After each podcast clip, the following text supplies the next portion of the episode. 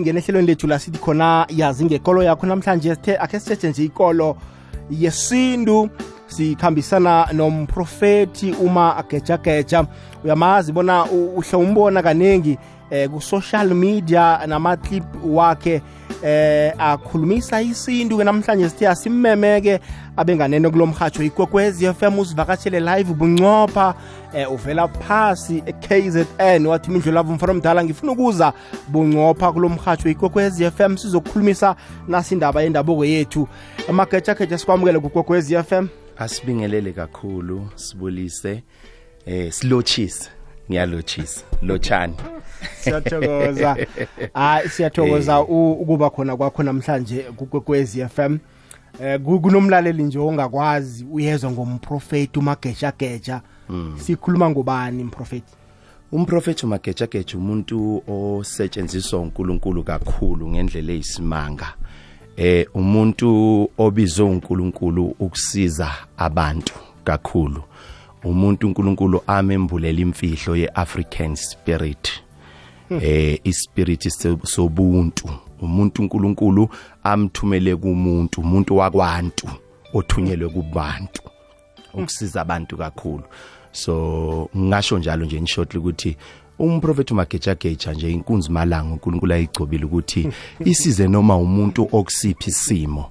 Eh abantu ke ngibasiza ngeindlela eziningi ngokubathandazela ngokuthi balalela izinto engizikhulumayo ngoba mangikhuluma mina ngikhulumela ukudlala ngikhulumela ukuthi umuntu asinde ingqondo yakhe iqaqeke akwazi ukuconnecta noNkulunkulu ngendlela ekufanele aconnecte ngayo noNkulunkulu ngiyazibuza ke magejageja bona nasikhuluma ngekolo yesintu mm. ngiyakuzwa ufaka nozimu uhlangana khona ukuthandazela umuntu Mm. uthintanise umuntu nozimu. Yes. Ikolo yesintu sikhuluma ngani begodu ihlangana njani i- inkolo yesintu a- a- inkolo ehlangana noNkulunkulu. But before ufike kuNkulunkulu kunalento abathi ama ancestors amadlozi wakho. Awukwazi ukuconnecta noNkulunkulu ungakakwazi ukuconnecta namadlozi wakho. Why ngisho njalo? Abantu abaphila la egazini lakho in your blood ama ancestors wakho amadlozi wakho. So every time when ukhuluma iphimbo lakho kumdali lidluliswa ama ancestors akho. Awukwazi ukuphila kwispirituality ungakwazi ukuconnecta nabantu bakini.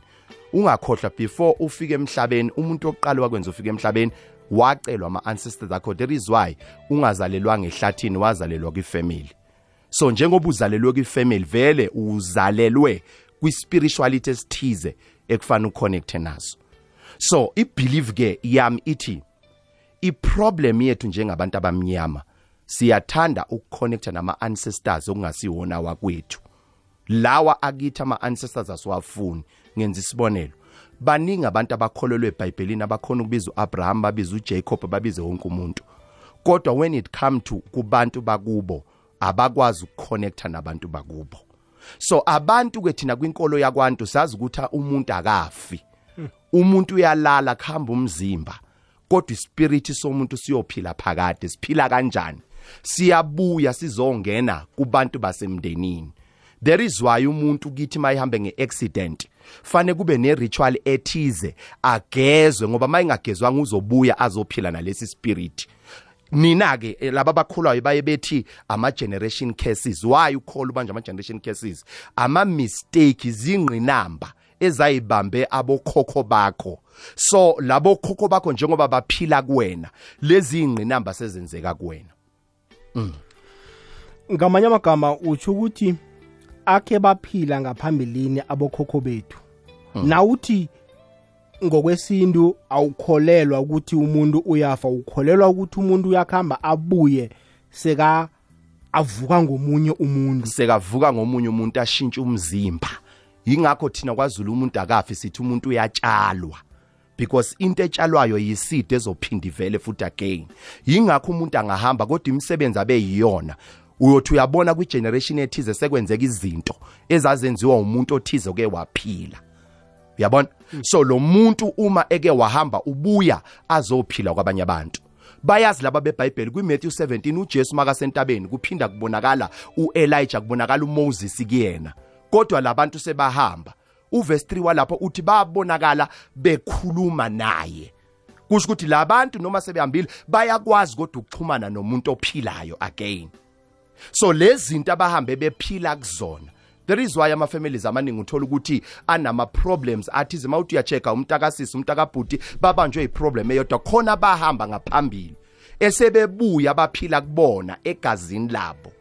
Ngwenzela isibonelo nje simple mawuzana umntwana acheck iDNA yini eyenza ukuthi afane nawe? It because kuphume umuntu othizo behlala kuwena wayongena kulomntwana waphila kulomntwana. Umzimba musho ungamchecke neviki elilodwa kodwa iDNA izothi lo mntwana wakho. Because kuphume omunye wokhokho bakho behlala la kuwena. Usephumela komunye umzimba. Lo muntu bese ba umntwana wakho. Bese kuthiwa bonke abantu bakulesenemi bane problem enje. Why babe ne problem lo muntu uphuma la angene la. Lezi ingqinamba ezinga attendwanga owafa zibhekene naye zisaphila zilokhu ziphilile ngaphakathi kuyena. So uconnecta nabo either bayamvuma noma bayamphika. Noma umuntu angakholwa but akumshintshi ukuthi ama root wakhe ala efamilini yala ekhaya. Yingakho yonke into ayenzayo still isafana nalento yala ekhaya. Ngizonzela isibonelo. Umuntu mayekholwa akathi mayefa kuthiwa ngcwatshelwe esontweni why kuthiwa kagoduswe ayiswe kwababo kwabo? Yingoba umuntu akuyena owesonto before umuntu abe ukaNkuluNkulu uba uya- uyangithola. So th- th- that is why nebhayibheli lithi makufo abraham wahambelwa koyise emkhulu uyayibona? So makahamba uya kuphi? Uya lapha kwifamily yakubo futhi again. That is why awusoze waphupha ingelosi. Noma ungathandaza kanjani? Uyazi uyobonani mawulele? Uyobona abantu bakwenu. Why bebona wona? Ngoba into engekho kuwena ngeke uze uyibone ngoba yikho kuwena isizathu mawulele even in your dreams ubona ama ancestors akho. It because labantu baphila la kuwena into engale asiyiboni mina nawe sibona into la ephila ngaphakathi kuthina. So into eyenza ke noma ulele ebusuku ubona ubaba wakho washona evele kuwena yingoba laba bantu bahamba emzimbeni imoya yabo isaphila la ngaphakathi kuwena. Ngiyakuzwa uthi usho ukuthi akukhonakala umuntu abhuda ngingilosi mhm mhm ngeke akekho umuntu wakwabona ingelosi.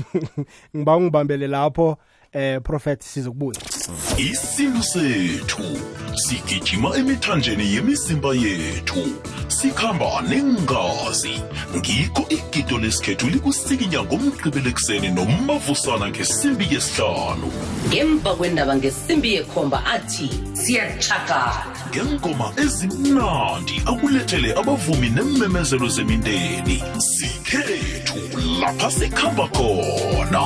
Kukhanya ba mlaleli ngekwekwezi fm abalaleli bangakuhlanganisa nenhlobo nomndeni owalahlekelana nawo.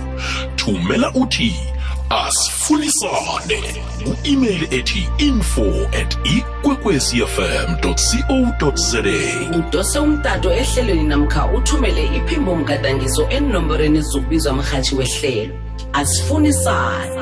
Ngosono ngo-10 past 8 ebusuku. Umkhanyo ukhona kukhanya ba nambala liyikwekwezi FM kukhanya ba iba lichumi nethoba imizuzu phambi kobana kubethe isimbi ye-chumi nanye sithi yazi ngekolo yakho sithe namhlanje akhe sitshetshe ikolo yesintu african spirituality eh, ne-religion. Yona ngokwayo.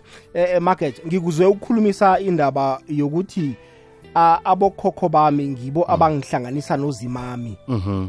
Njani bakuhlanganisa kanjani? Angithi uNkulunkulu is the spirit. So bona sebephumile emzimbeni sebephila kuphi? Kuma spirit ibona bakwazi ukuvakashela umzimba wakho. Baphinde bakwazi ukuphuma emzimbeni wakho baye spiritually yingakho mawusuhlangana nabo kahle bakwazi ukukutshela izinto zingakenzeki. Yonke into zobhekana nayo uyibone before yenzeke. Why? Because bona sebephila kwi-future. Sebekwazi ukuphila kwi-future. Wena usaphila la. Uyayibona le? Nto leyo so njengoba uNkulunkulu eyispirit nabo mabehamba as families bayojoyina. Ngoba asicale la umuntu makahamba emhlabeni akaye ezulwini. Kunendawo espiritual la kuhlala khona ama spirit and ifamily nefamily represented kulawo ma spirit so mabehamba la bona sekulula ukufika kumdali because uNkulunkulu naye uzime is the spirit. That is why nibabiza kamnandi nina ngesindebele nithi abani ozimako bezimo bezimo bese nithi uThixo bani uzimo abozi a- abezimo nozimo there is a relationship. Yabona? So that is why thina masicela sesiyakubona emsamo siyokhuluma nabo.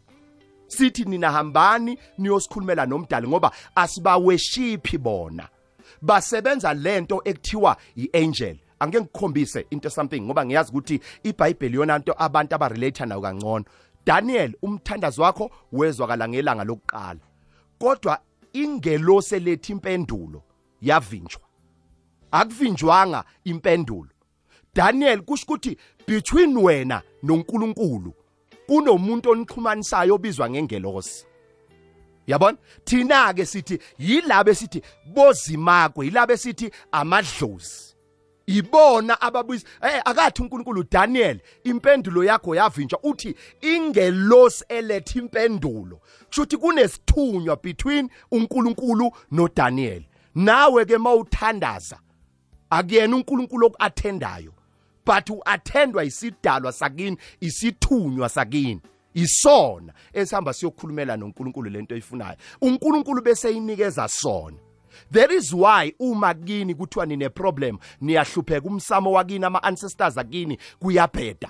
Noma ningafasta nithandaze ayibi khona idifference eyenzakalayo why? Because labantu abayizithunywa phakathi kwenu noNkulunkulu anikwazi ukukhonektha nabo. There is why abathakathi mabefuna ukubulala umuntu abathandaza baye kuNkulunkulu. Bajikele emva kwendlu baye ethuneni la ekulele khona isithunywa sala ekhaya. Basebenze le nhlabathi. Bayazi ukuthi uma besebenze le nhlabathi basebenzisa isithunywa sala ekhaya. Noma ningathandaza ayifiki imithandazo yenu la kufanele kufike khona ngoba ayisekho imessenger. Isithunywa asekho phakathi kwenu noNkulunkulu. Ngikuzwa na uthi hayi ukuthi amadlozi siyawakhonza No, no, no, no. siyawaworshipa no asiwa worship izinthunywa middleman it's a middleman uzuyibheke lento bathi khona khona aba- abathi asifuni idalwa but but no Jesu ikhombisile le formula yokuthi before afe uthi mangifa kini ngizobuya ngizohlala kini ngomoya. Okuyisayini yokuthi uma behamba labantu bayabuya bezohlala kithi ngani? Ngomoya. Uthi ke uma sengibuya ngomoya ngiyonifundisa konke. But why uNkulunkulu alethu uJesu ezophila? Because usikhombisa iformula yokuxhumana phakathi kwabantu noNkulunkulu. Ukuthi abantu abakwazi ukuxhumana noNkulunkulu engekho umuntu ohambile. Waya kuNkulunkulu aphinda abuye eze kubona. Yingakho ke kuAct chapter 2 ngesikhathi behleli ekamereni eliphezulu behlelwa umoya bonke. Bakhuluma in different languages. Why bakhulume in different languages? Phela ukuba kwakwehla umoya wodwa kwakufanele bakhulume ngelanguage eyodwa ngithi? It because umuntu nomuntu wehlelwa ngokwe ancestor yakhe ukuthi yena isithunywa sakubo sithini sikhuluma yiphi language isona siphi. So kwakuzo unlockwa izithunywa ngaleli langa behleli lapha phezulu. Mprofeti la akhe ngithi nangumuntu uyadlula ephasini. Yes. Bekamuntu bekangenza izinto e- e- eziright bekabulala abantu athakathi athakatha. Mm. usayoba sithunywa usayoba lidlozi eliyongijamela kuzimu na? Fanele fanele alungiswe. Fanele ilungiswe lento la ekhaya. Yingakho ama families amaningi kufa umthakathi kuphinde kuvuke omunye umthakathi. Awuzange uyibone lonto le?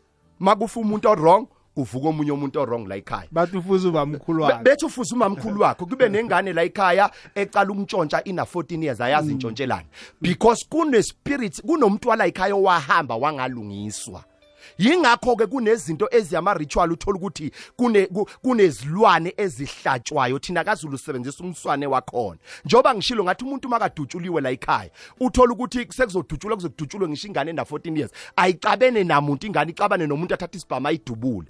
Because kunomuntu ohambe nalesi simo. So lo muntu seyisidalwa esimbi. Ngikwenzela isibonelo why abantu abamnyama abaningi bahlupheka it because ikhamba umuntu ehlupheka la ekhaya. So lo muntu mayebuya ubuya nalomoya owambulala owamehlula. Fanele ke la ekhaya kube ne ritual eyenziwayo ilungisiswe lento la ekhaya. Yabona? Yila osuxhumana khona nabantu abanjengomprofeti umagejageja bakuncede ngoba sebenolwazi ukuthi kudilwa kanjani nama-spirit. Sesikwenye irank wena ongekho kuyona kuma-spirit. That is why awuzange ubone ukuthi kunalento ekuthiwa isipoko. Asikho isipoko esi-forever. Kunabantu esakhula ngakithi kuney'poki kodwa namhlanje ayisekho sezadlula. Ngoba amacala lawo bantu asathethwa aqedwe emndenini. Bahlanjululwa bangeniswa emndenini ayisekho lento babe meyitradini uthola ukuthi ubaba mnje wakwathi emile ngelanga aphuzile wa- wathola usisi wamnikeza ilift. Makathi uya uhamba ngemoto makathi uvuka ekuseni ngo5 uvuka uhleli phezulu kwethuna. Kade engagibelanga imoto bekahamba ngeyibunu zakhe ugugelwe ibhluke yonke into imoshakele. Bekacabanga ukuthi ugibela imoto. But leso sipoki asisekho namhlanje. Kwakuwumuntu ohambe kabi until kuze kuphela isikhathi amacala akhe alungiswe ngale akwazi ukuhlangana nomndeni wakhe. Ashintshe the same person usebuya sekayidlote elihle la ekhaya sekayidloze elihle la ekhaya. Ngiyakuzwa uthi ke wena njengomprofeti niyakhona ukukhuluma nemimoya niyakhona ukulungisa izinto ezifana nalezo. Kunomuntu olaleleko nje othi ekhaya vele kunemhlako asebenzi sonke noba mkhulu bathi wabhubhangana litho Mm. Kodwa isibambile into iye Mm. siyilungisa njani? Eh okay. Yilapho ke osukwazi ukuxhumana nathi khona.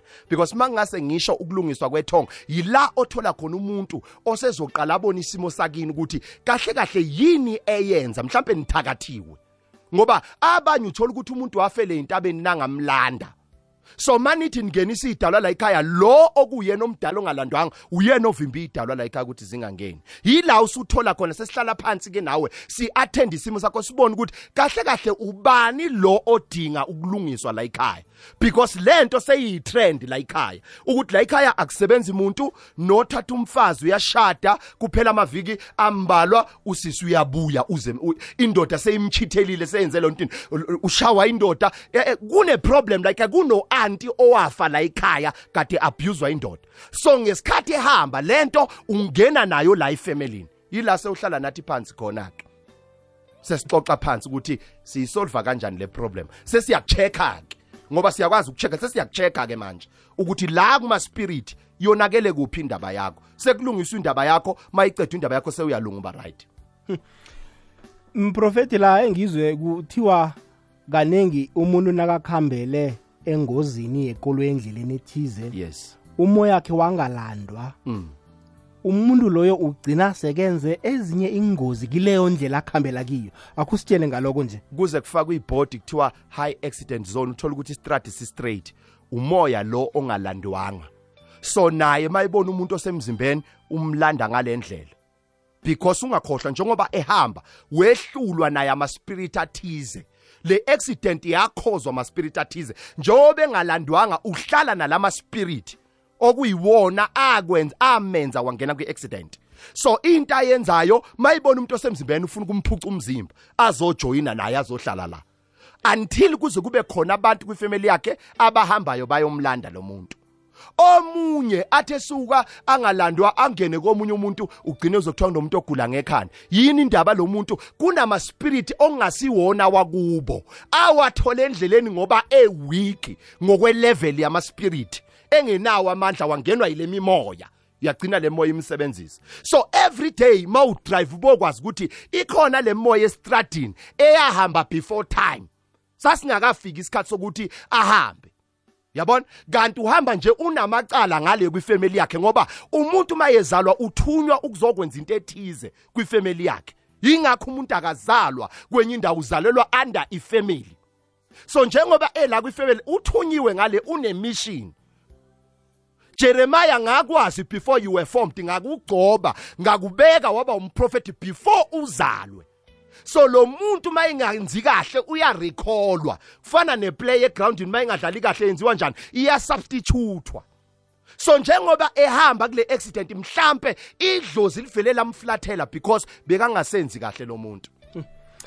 Wahamba kanjalo. So njengoba elapha lapha kwifamily kusathiwa awume kancane sibanibani sisebhizinisi ezinye izinto sizoyi-athenda indaba yakho. Ngesikhathi emisiwe ukhoza ama-accident ngala. Ngoba nalaba bomndeni abazange bemlande bahlaba imbuzi bamgeze bamcelele.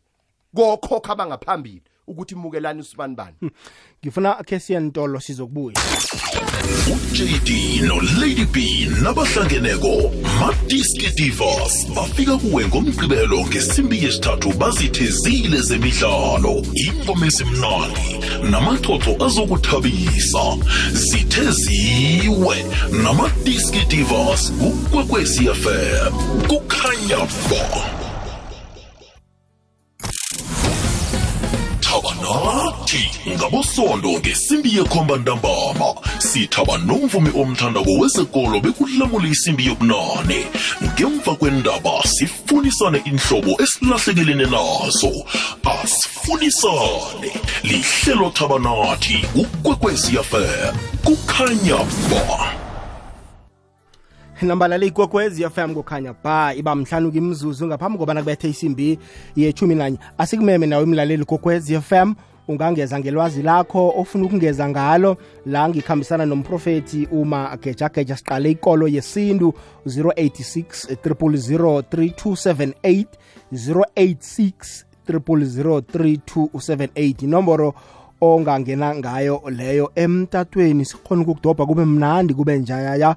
Namkha iwhatsapp uh, line yethu ithi 079 413 413 mprofethi nangumuntu ubhubhile kuthiwa-ke umuntu lo kakabhubhi uthetsheliwe kusetshenziswa umoya wakhe. Kukhonakala njani lokho? Iyenzeka leyo nto leyo. Le eMaritzburg ngeke ngaba ne- e- e- endaweni ekuthiwa ethi eKZN endaweni se- yasemnambithi mangifika ngibona omunye umama uzilile ufaka inzilo ushonelwe ngumntwana bese ethi umuntu kimi umntwana lo mama kashonanga bamthwebulile. Bese ngiya kulo mama uthi umntwana kashona ngathi baba wagezwa yimini mina ngamlanda emoshwali wachona. Ngithi mama umntwana wakho bamthwebulile ngithi mama ngicela ufuna incwadi yokuthi sihambe siyogumba ithuna. Lo mama anzi process ahambe. Ukhuluma ngento eyenzakele emprofethi? Yes baba. Yes. Yenziwa yimi. Prophet nginabantu abaningi engibalande sebethwetshuliwe ayo yedwa baningi. Iraga sikulalela alright Ma- mangabe lo mama ahambe lo mama kuthiwa ke fanele yakakhokta kube ne delay nje. Yaza ayithola incwadi bese sihamba siyogumba umzimba masifike emzimbeni eboxini umntwana akekho. Khona amathambo enyoka.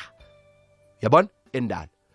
Athi umuntu kimi umntwana usemahlathini eBackville ahamba afuna umntwana atholakala emahlathini eBackville sebamjubula imbalikhathile ulimi. Lo mntwana ukhona ngikhuluma ngomuntu ophilayo until today but ingqondo yakhe ayizange yabuya until today. Nami amandla ami agcina la ngikwazi khona ukumthola. But la emqondweni akakasebenzi namanje. Ngesikhathi bemncwaba athi ngikutshela eh uyubone kunabathakathi uthola ukuthi kunomuntu ogaxa inyoka la. Size simshayile izandla sithi thina hey unamandla usibanibani uhamba nenyoka. Le nyoka uyayikhulumisa athi phakama iphakamisa inhloko. Akuyona inyoka ibhodi inyoka. Kunabantu abathwetshulwa emizini ethiza babe nenhlanhla. Bathathwa bafakwa kulomzimba nina nabangcwaba nithi bafile kanti abafanga bekuzontshontswa inhlanhla yomndeni. So lo muntu usaphila kodwa uphila. Somewhere uyasetshenziswa kekho la so kuyenzeka ningcwaba umzimba womuntu kanti ispirit somuntu anizange nazi nasingcwaba ngokomthetho umuntu mayehamba ehambe kahle uyabuya semday kade nimngcwaba azobonga ebusuku. Fanele kube khona umuntu oyedwa wala ekhaya ombonayo emaphupheni. Othi ngiyabonga. Number 2 makhamba umuntu fanele ifamily isale iprosperisha. Ngoba sekunomuntu oyochaza inkinga zefamily lapha ya kwifamily yakamoya. Ngoba yonke into esemzimbeni iqala kumoya ayikho into ephysical. So izwe elidala yileli laka spirit sekunomuntu osehambile. Yingakho laba bathwalisa abantu mabakunika into kuba nomuntu ofayo la ekhaya.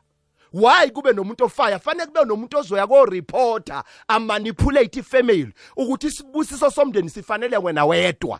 Ingakho kuphumelela wena wedwa la ekhaya.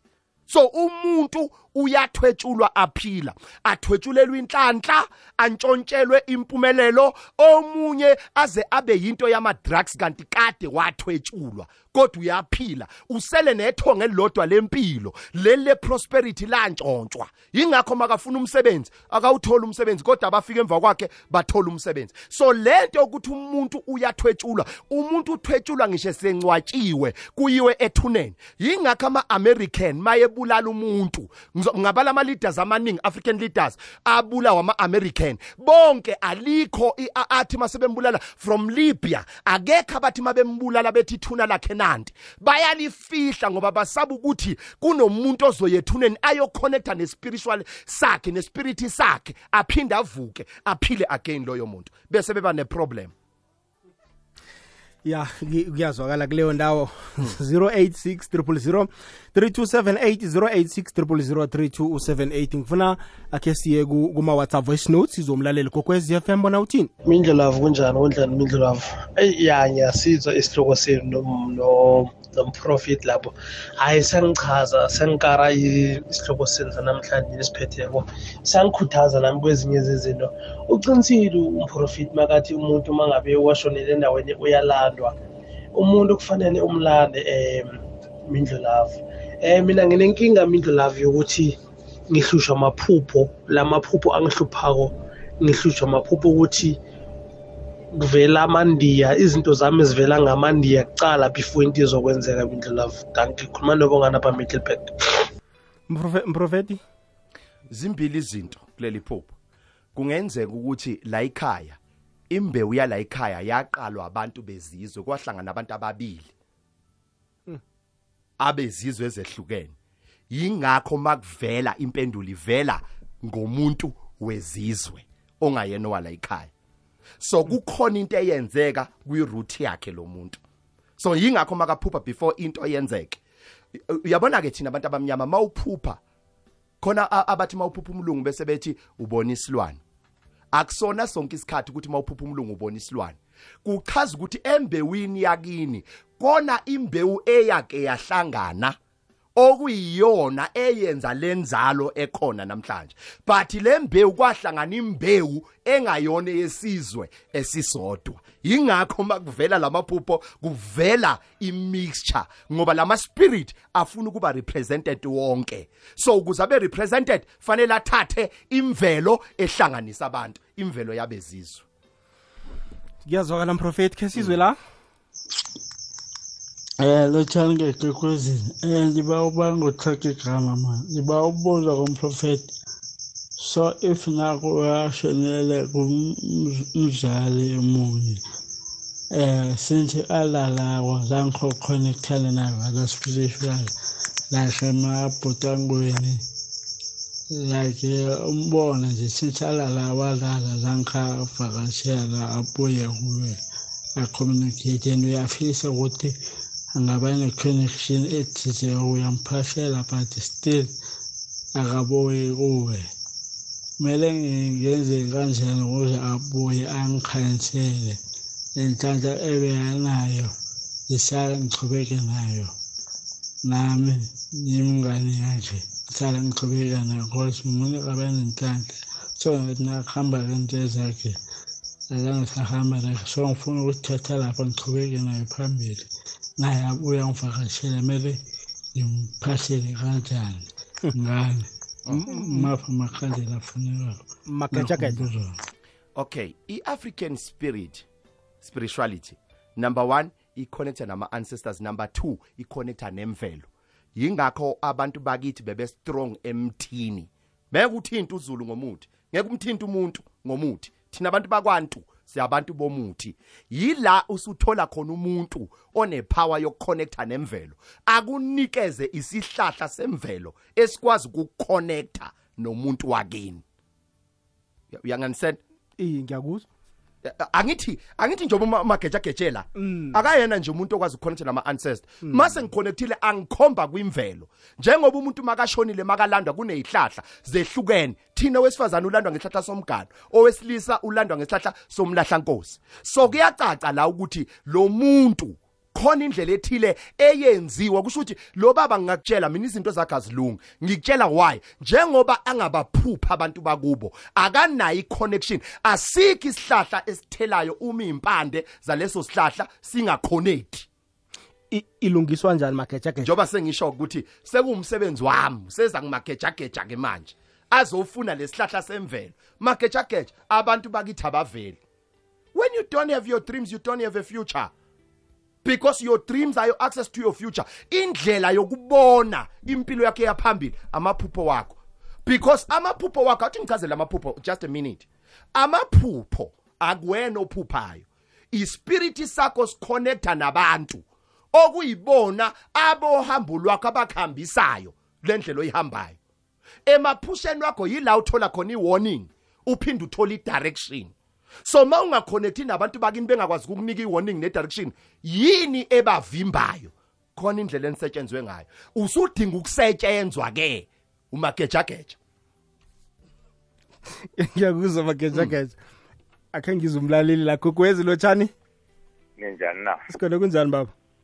Angizokubuza imibuzo yethu. Mm. Wokuthoma thina umuntu nakakhambileko simbekile sasithi siyambuyisa. mm eh amazulu athi siyamkhuphula emva komhlambe konyaka ne? Mm. Nangabe uthi animbuyisi nibeka kunjalo nje lo muntu uyidimoni akasabuyi yokwenzakala ini na laba abantu ababhubhile futhi bathi bayitindi bafake ethuneni linye babeke umasipala impilo yabo ibanjani babamalo sanjani na? Umbuzo wakho wokuthoma uthi umuntu nakangakaboyiswa kwenzakalani ngaye? Kwenzakala ini. Okay baba. Ange- ngesizulu bathi bamkhuphula thina sithi siyambuyisa. Okay manje baba. nasenambeka ngasalibeka inyawo leni lapha ningasawukuthethelela ningasawuphahla kuyo. Kwenzakala yini? Okay baba. Siyathokoza. Magejageja angithi phela ma sithi umuntu siyambuyisa umbuzo uthi uyakhuluma yini nomuntu ongekho? Cha. Ngesikhathi wenza iprocess yokumbuyisa usukumbuyisa kupha sibuye la umuntu makahamba umzimba wakhe ngesikhathi ungakamlandi usuke noma eza evakashe ngekho permanent usuke esasemathuneni. Le process yokumngenisa ngaphakathi yingesikhathi ngisho umthakatha ngaye ethuneni lakhe angeke asamfica. Ngoba senimthathile nambuyisela la ekhaya. Yingesikhathi nithi maniphahla ke seniyakwazi ukukhuluma naye. Ngesikhathi esahambile ningakamkhuphuli ningakambuyisi loyo muntu akakakwazi kuba yidlozi elihle la ekhaya. Ngoba akakahlanganiswa nomndeni ngokuphelele. Uyazi ufana nani? Ufana nomfazi olotsholiwe ongashadiwe. Kunezinto zala ekhaya ongakayi attend but once umfazi washada use attenda yonke into yala ekhaya. So lo muntu eningakambuyisi usengozini yokuthi usengaphinda ntshontsho nanoma ubani. Ngoba uhleli ngaphandle ubuzileke wathi kunabantu abakholelwa ukuthi ethuneni linye sibeka umndeni wonke kwenzakala angithi mawuye ethuneni wena uaddressa lo mdingayo umzimba usambalekile phela. Ingakho umzimba uyabola kodwa umoya awufi. But lapha ethuneni ngesikhathi ufika uyazi ngitshela into eyisimanga. Ungakwazi mindlosi ukusebenzisa ithuna lomuntu. Ongasiyena owakini ukhulume nalo likusebenzele. Uyakwazi ukwenza njalo. Kanjani ma mawazi igama nesibongo sakhe finish. Akazi uzwe labafundisi abathwalayo bamba bayogeza emathuneni. Bayokwenzani? Bayomema wonke ama-spirit akhona ukuthi abalandele ahambe nawo. So ngesikhathi befika nina into eyenza unikele ngemoto wena ungadecayidanga it because labantu vele ama-ancestors akho iwona akuconvinsayo bawathathe ngendlela erong bawamanipulathile wena la isontweni awucabangi straight ngoba la bekufanele babe i-backup yakho kamoya abayizingelo zakho abayizithunywa zakho zakamoya bantshontsho womunye umuntu. Ngoba uye lapha emathuneni wayo-adressa imimoya wathi yonke imimoya eyafa yangalandwa ayingilandele ayihamba nami. Ma ngikhuluma ngifuna ukuthi abantu bangizwe bangilalele. But before a-address abantu uqala adresse laba bakuspirit laba babizwa ngamadlozi. So lapha ethuneni mawuye ethuneni into ebalekile ukwazi igama nesibongo somuntu. Ngizonzela isibonelo. Laba bantu ogcibankulu abamhlophe abasinikeza lenkolo esiyikholwayo bona amathuna wabo awafani nawethu. Awethu amathuna neglected awabo awekho neglected afakwa manje abhalwa amagama kuthiwa in, remem in remembrance of spanbani wakabani. Why? Bafuna ukuthi mabeya lafa in the graveyard bazi ukuthi muphi umoya abawu-adressayo. Bona ke bathi angel bathi angel of my father. That is why nala kwenzeke khona accident uyobona njalo ngonyaka bayobeka ama flowers khona bayo addressa lesi spirit salo muntu nabo ama flowers isona sihlahla abasisebenzisayo ukukhonektha ne spirit somuntu wakubo iyazokala magejageja. Gogwezi lelo tshani okay uza kubuya gogwezi lo tshani lo tshani yebo. Kunjani baba? Siyaphila njani? Siyathokoza eh umakhosi wakhe nyandeni kwanongoma. Nyandeni konongoma yebo hayi asithandi isihloko amthandi ubaba magejageja ngoba yazi lethu uvela ibeko obala. A- ayenze wonke umuntu ay- a- ayizwe nongafuni ukuyizwa uyoyizwa kodwa uma esedwa bese ibona ukuthi umbuzo wami ubaba magejageja wona yes ba kuna- kunalento eh ehlalishiwo.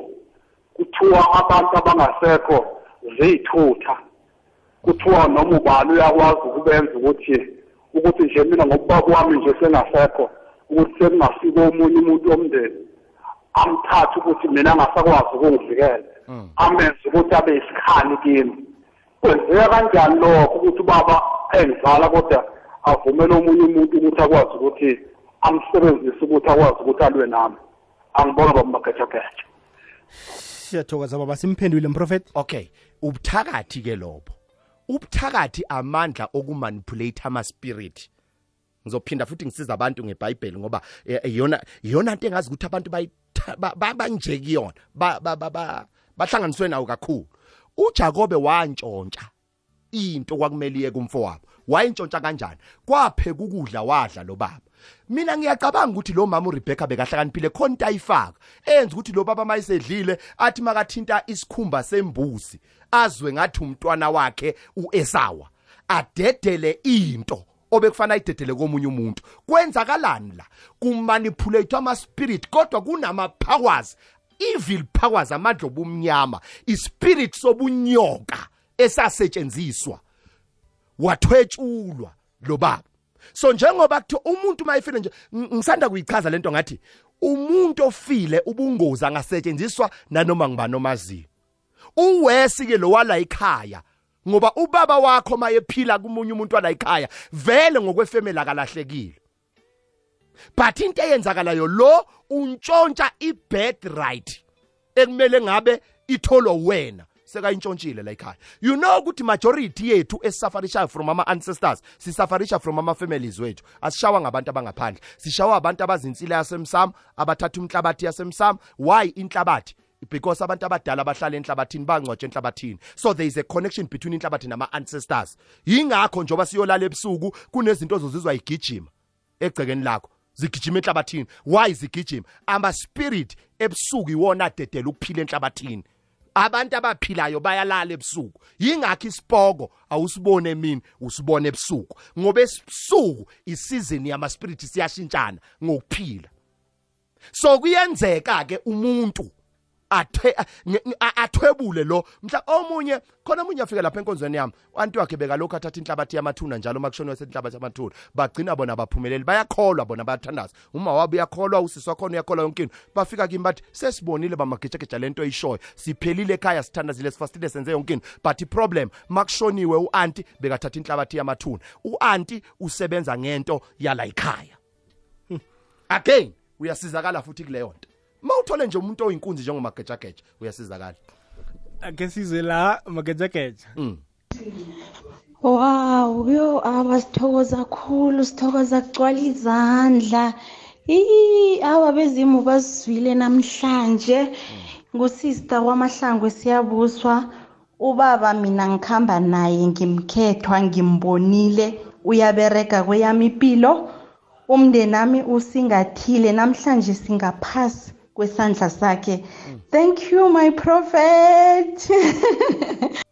bazweke siyathokoza dadewethu khe sizwe eh Siyathokoza. omunye kodwa umlaleli emindlela like wagafontein a stop six ngathekine ngimketho emshokazo ngomentsha hey nginizwa kahle ihlokothini enhlekweni ngiyathuka but ningifundisile okuningi sengiyazi nje hayi nisibonisile siyathokoza siyathokoza la khe sizwe omunye umlaleli godu sizwe msinyazana Minto love nesithekelo sakho lapho. Nangumhetsho umkhulu abonzunzu sipho mahlangu ke ngapha eCosta Park ngithekele night chief.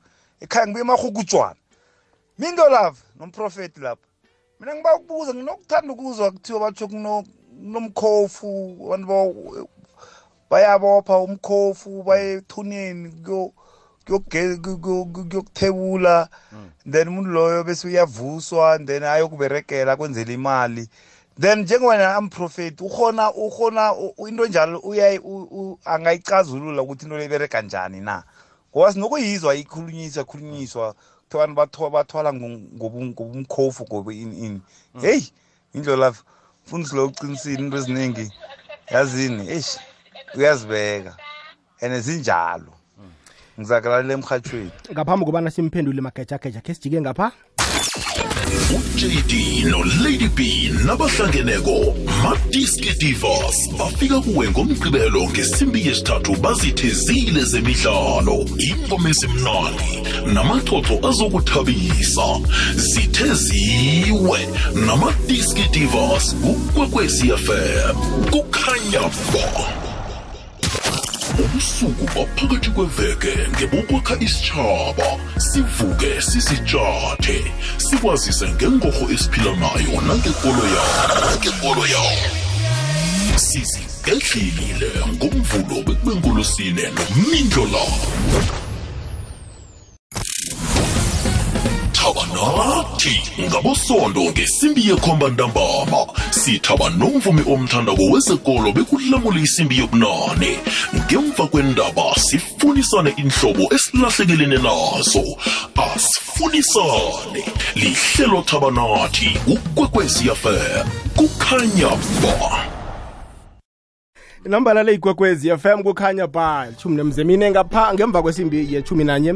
Hlelo la yazi ngekolo yakho ngikhambisana nomprofethi umagejageja mprofethi ukhulumile ubaba.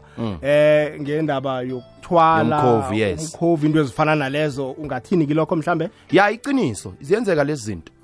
Omunye nje alahleke ephila nje ningamazi ukuthi washona kanti usetshenziswa somewhere. Khona ifamily eke e- e- e- yasho enye inkinga samo yathi ubaba wayo washona kudala abantwana bangakazalwa but bathema bethi baya kamakhelwane bafica ubaba wabo kwabizwa amaphoyisa kwayinkinga. Mabebiza amaphoyisa wathi makhelwane vulani ngenani mabethi bayacinga ubaba kabonakali udisappear wemindlu ngiprovela lento uthi ikhona lento yemkhovu ucabanga ukuthi wayi akazibona ebhenki alikho ibhenki elingenaso isihlahla esibizwa ngesiqiki somkhovu ucabanga ukuthi esani? Sivimba imimoya. Ma bengasusa lesa sihlahla bangangena otokoloshe bathatha imali isinjani isihlahla okukhuluma ngaso? So- abayazi alikho ibhenki elingenaso lesihlahla kuthiwa isigqiki somkhovu. Hamba kunoma yiliphi ibhenki olithandayo uzofica kunesihlahla engathi basitshalile nje basibekile la. Sivimba imimoya. Ngaphakathi. Ngaphakathi yes. Sibe nje la kwi-entrance uma mawungena uyazi why leso hlahla imimoya angithi imvelo inamandla okucontrol imimoya so lesi sihlahla njengoba sihleli kuthiwa isigqiki somkhovu kushiwo ukuthi umkhovu awudluli kulesi sihlahla. Uma uke wabona lesi sihlahla umkhovu wenze njani? Uyahlala. Iyazokala amagejageja khe sizwe la?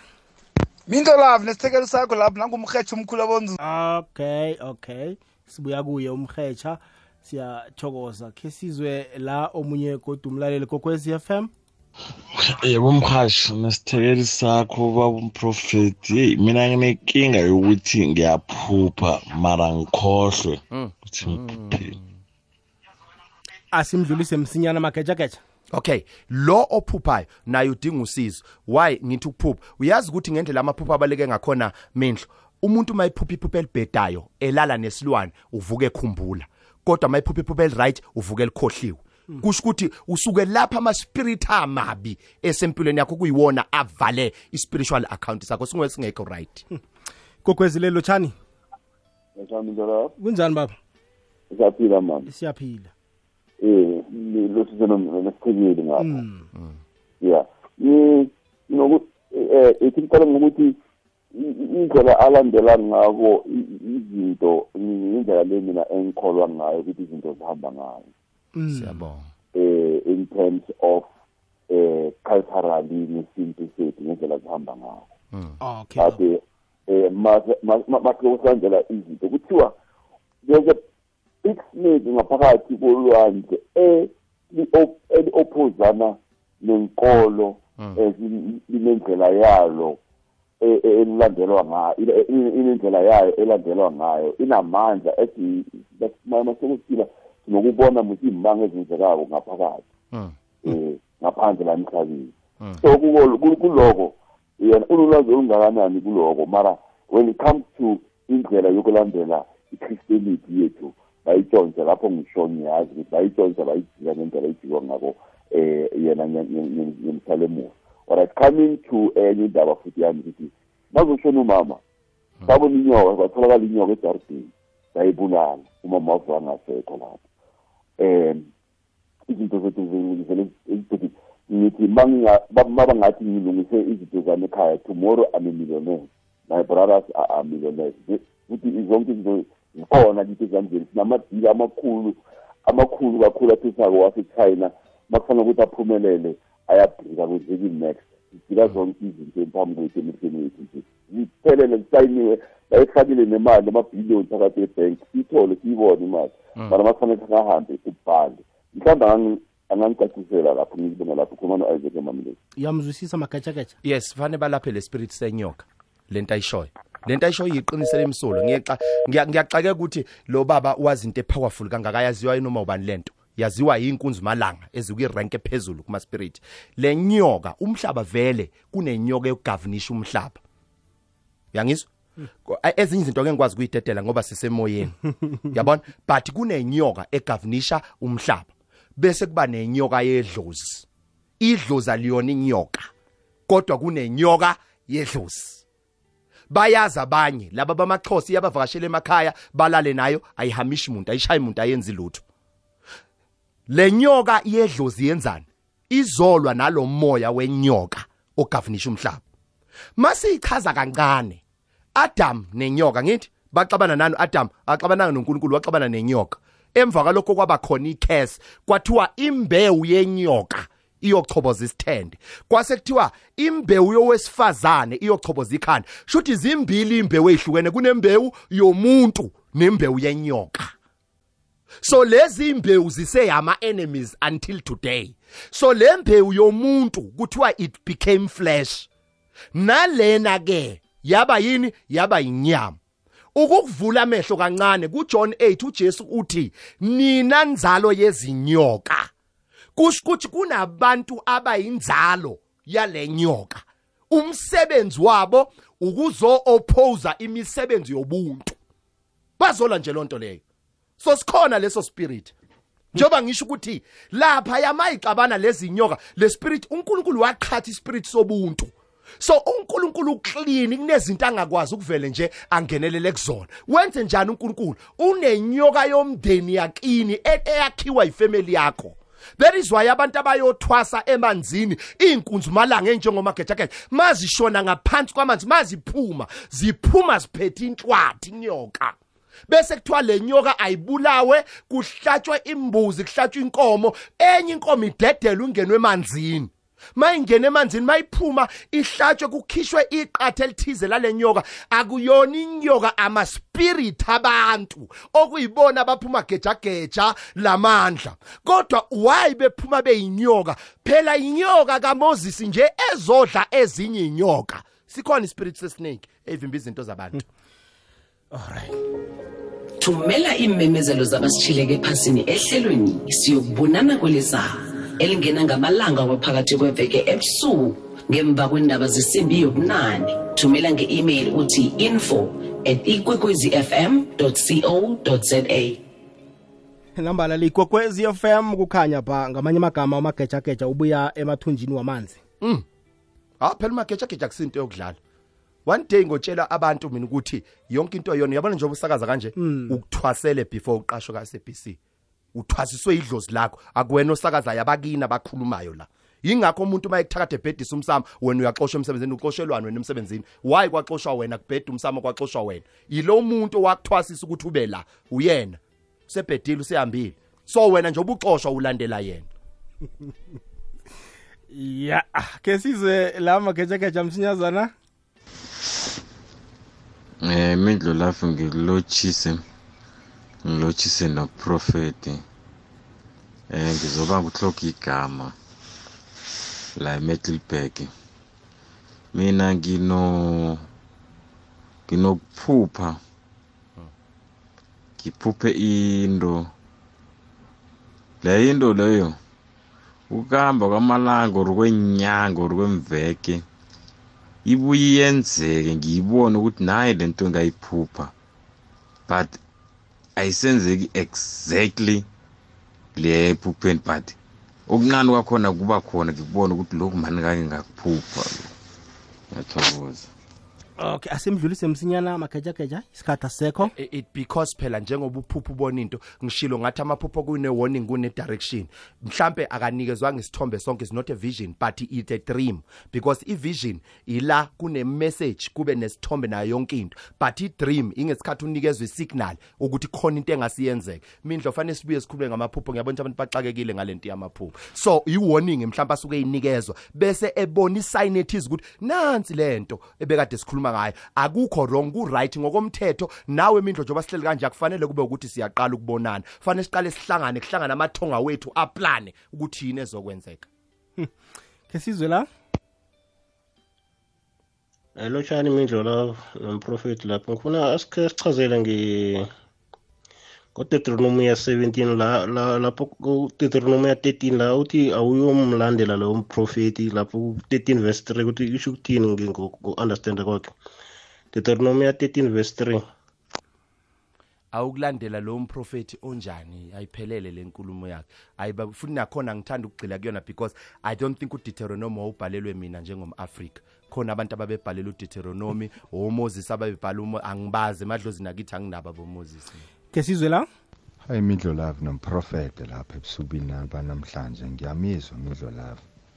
Awebetha ngakhona. Indaba zakhe lezi azikhulumayo ngiyakhona ngiyakhona ukuhlukanisa ukuthi uyibeka kanjani indaba yakhe hayi ngizwile ngizwile. Nabezimu bami bahlale banami ngendlela engibangihlukanisa ngayo.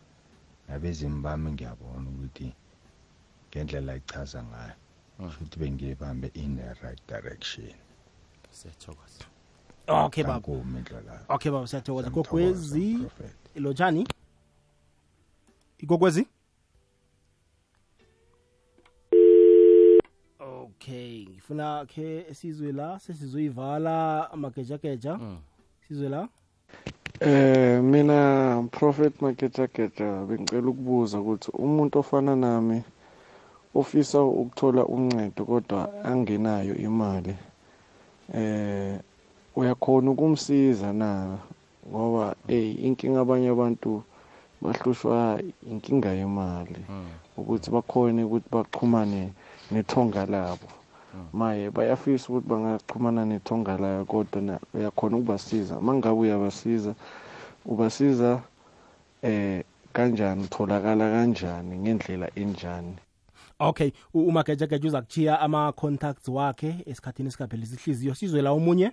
Sanibonani sanibonani kakwekwezi ninjani kodwa? Siyaphila sacela ukubuza ma. Sacela ukubuza kubaba kumprofeti ukuthi ngingakhona ukusizakala na? Ngaya komunye umuntu ngithi ngiyophakamisa isithunywa nge- umsebenzi wabokhokho. Um ngithi ngiyophakamisa isithunywa so umuntu lo wabheka ukuthi amandla wami angakanani walwela ukuthi angivale ukuthi engasakhoni ukubona emaphupheni nakhona ukuthatha amandla lawo asebenzise. And engavala nempumelelo ukuthi impumelelo ungasabi nayo ungaphumeleli. Ihelebho kubaba umprofeti mara ngalithola njani? Ngazithola iinamba zakhe angiphe zona ngikhona ukukhuluma naye ngikhona ukubona ukuthi ngalithola isizo na? Engicela ihelebho Okay. ngila e-witbank okay mama. Ubaba uzokuchiya ama- inomboro esikhathini esingaphelisi ihliziyo sizwe la? Hayi mindlo lapha um ubaba magejageja uyabona uyibeka kuhle. Mina nami la ngikhonza khona um siyamkhonza unkulunkulu kodwana kubakhulu ngabangasekhoyo bethu. Okubazimu bethu esikhathini esiningi uthola vele kukhulunywa ngabo khulu ukuthi nabo kumele bafundiseke. Yabo into ezinjalo nje ukuhlangana no- nozimu through bona. Ngiyavuma kubaba lo. Okay baba. Eh, siyathokoza. Ke sizwe eh nangu. Ake ngibingelele nami mhahasiwe kwekwezi nawe tata umprofite eh njengoba nami ngisemsebenzini ngimamele mina ngegama nguvictor wakwambuthuma. Eh, ngithanda ukubuza ngenyoni ethanda ukumemeza ngilele ngabe uthu ndatha ngisho noma ngihamba endleleni lenyoni ihlezi nje ngizwa umsindo wayo nasendleleni. Ake ningidlulise lapho baphathi bami. Ngiyabonga. Magajagaja ya asiqale sithi kulo abamtshontshela amandla ne? Eh mama ungakhona ukusizakala but abantu abaningi bayayenza leyo nto vele. Laba aba abanamandla kuma spirit bayakwazi ukubona ukuthi lo muntu lo unamandla amaningi. Bavele bawantshontshe bethi bayakusiza into amandla akho into yakho sebeyivalile. Uyabona? Bayibona ithi into yakho icebile inemali. Base beba nomona base bayayitshontsha njengoJakobe wabona into kamfowabo azalwa naye. Wayibona ukuthi lento ihlakaniphile kodwa iphethe umuntu ongakale ongakelemanga kahle wayithatha wayenze yakhe. Okay size kulo wesibili eh eh, othi uyasizakala yini mangabe ungenayo imali? Baba ingakho mandla emfowethu ngiba nenkonzo mindlo la engenwa khona mahala. La umuntu aza khona kimi ezosizakala athole ulwazi oluzomsiza baba. And uNkulunkulu wangenza ukuthi mina usizo lami ngiyazi umuntu ngendlela engikhuluma ngayo ngendlela wathi omunye ngikhuluma wathi hey wena amagejageja geja irank yakho fana ubonwa ngama thousands he-e mina ngibizela abantu abaxakekile. Angifikile kuleyo rank. Ngisiza bona abantu abakulesi simo. Siba ney'nkonzo esiyimemezelayo ukuthi umagejageja uzobe sendaweni ethile abonakale khona for free akhulume nabantu for free akwazi ukubasiza kulezo inkonzo. Ngikhulume kulezo inkonzo engisuke ngikhuluma na wonke umuntu ehleli phansi ngibasiza. Bese siza kulo onenyoni ekhulumayo. Kuyenzeka nedlozi lakini lisebenze ngento ethize malifuna into ethize elizokwe ezokwenza ukuthi ugcine ulalele. Abanye makufuneka imisebenzi emakhaya ngena inyoka. Idlozi selizomkhumbuza ukuthi sewusikhohliwe sifuna isithebe sethu. Kwenzeke futhi kanti futhi inyoni yabathakathi. Nalokho kunabantu abashawe inyoni la bashona. Yathi nje inyoni wathi pruyat yashaya kanti inyoni. Akusiyinyoni ibhodi inyoni. As- as- asiphinde. Yonke into oyibona physical investigator ukuthi isiphi spirit esi behind ubani lo ngene la abantu bakithi noma imimoya? Kuyenzeka emakhaya thina sasilala kudala kuthiwa ningaqedi konke ukudla ebhodweni ngoba abanikazi bomuzi bazofika. Kuyothi makukhala ibhodwe lithi kete s- nithi niyathuka bethulana abanikazi bomuzi sebefikile. Ibona laba. Bafika ebusuku. Njengoba nezinto zabathakathi kunezinto ezihamba egcekeni ebusuku. Mawungaphuma ngeke uphinde uvuleke amehlo. Ngikhuluma nawe inini konje? Bekhona lo mfana lwesithathu bekhona lo mfana owayehlanya wafika enkonzweni ehlanya. Ehlanya ebo- eboshiwe. Ngicanti niyamkhumbula mamkezi lo wayefike eboshwe bekakhona Wednesday bekazobonga kule Wednesday. Ukuthi ufika unyaka uqala ne bambophile alwa bamletha kimi bambophile. Kanti lo mfana ungenwe kuphanjaniswa idlozi la kubo kwangenwa imimoya engasiyona yakubo ukubona kuze kweqe nakho kumoya kanti awunawo amandla anele kuma spirit kuba iproblem phambi kobana sivale ke sizwe la umlaleli lokugcina Eh Mthombeni eh ngiba ukubuza lapho ukuthi ngiziphi izinto ezikhambisa amadlozi mhlambe ezi yenza ukuthi idlozi lisuke emntwini? Eh ngiba ukubuza ukuthi into umuntu ukuthi mhlambe abe ah- ahilibedela utshwala asela utshwala kakhulu or mhlambe angene ema-drugsini kuyakwenza ukuthi idlozi likhambe emntwini na? Sithokoza ngiziphi izinto eziqotha idlozi. Okay izinto ezicosha idlozi number one ukungenzi into eliyifunayo. Number two nakhona kusuke lingahambile kusuke kusaxoxwa ngawe. Isizathu saphila khona elilodwa elithi ake ninginike ichance ngikhulume naye. Uyangizwa mindla so alihambile. Okay siyochaza ngelanga ukuthi kunedlozi elihamba phambi kwakho kube nedlozi elihamba nawe elikuwena ngqo. Leli lihamba phambi kwakho ngizonza isibonelo futhi. uJesu ezalo kwaba nenkanyezi ehola abantu inkanyezi bayisa blaza lelwe khona.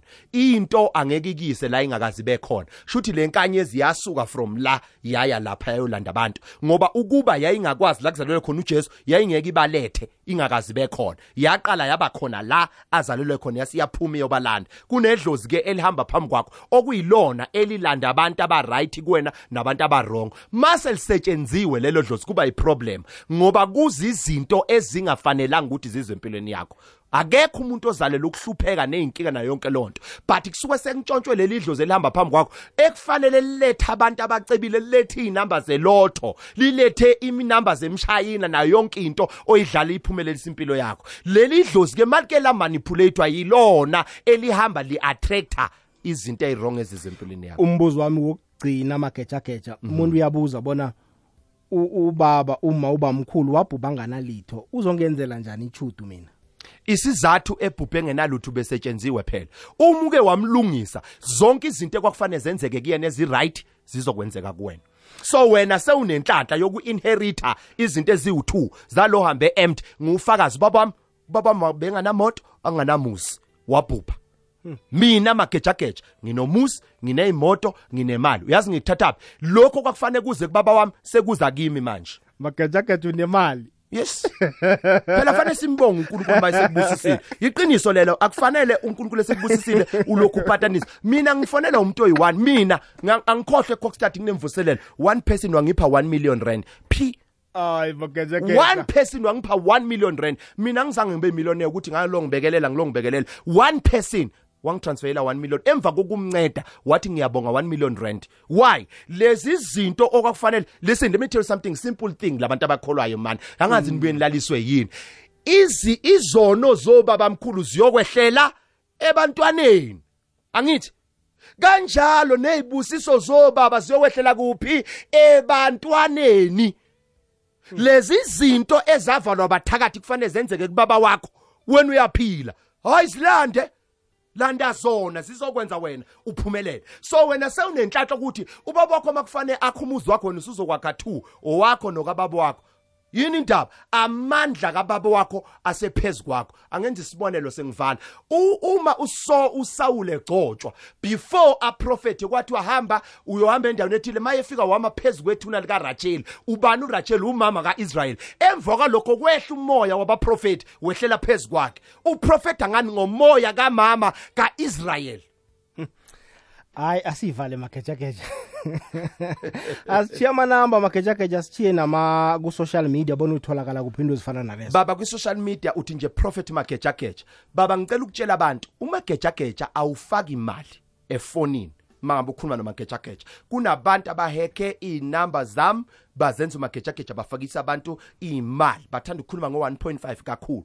Awufaki imali esitolo awufaki imali kwi-account awufaki imali efonini. Ayikho imali oyifakela ukufuna ukubona umprofethi. Magejageja ubhukha mahala. Makhona okufanele ukwenze ukwenza usufikile live la umprofethi ekhona. Awenzi lutho nje. Ungavumi ukurojwa abantu. Inamba kamprofethi umagejageja ithi 067 287 4180 067 287 4180 ungamlandela kwifacebook kwipage elithi prophet magejageja uzobona ngale live yamanje ukuthi ulandela yena ngempela. Hhayi esheriwe elive live. Live uzobona ukuthi uyena umprofeti magejageja loyo. Uthi nje prophet magejageja uzobe usuyamthola ubaba umprofeti magejageja nakwi-instagram prophet magejageja uzomthola ubaba magejageja Prophet Magejageja sithokozile ukuba nawe namhlanje nokobelana nathi ilwazi eh sithokoze khulu kwamambala. Angazi noma ngingathandaza yini.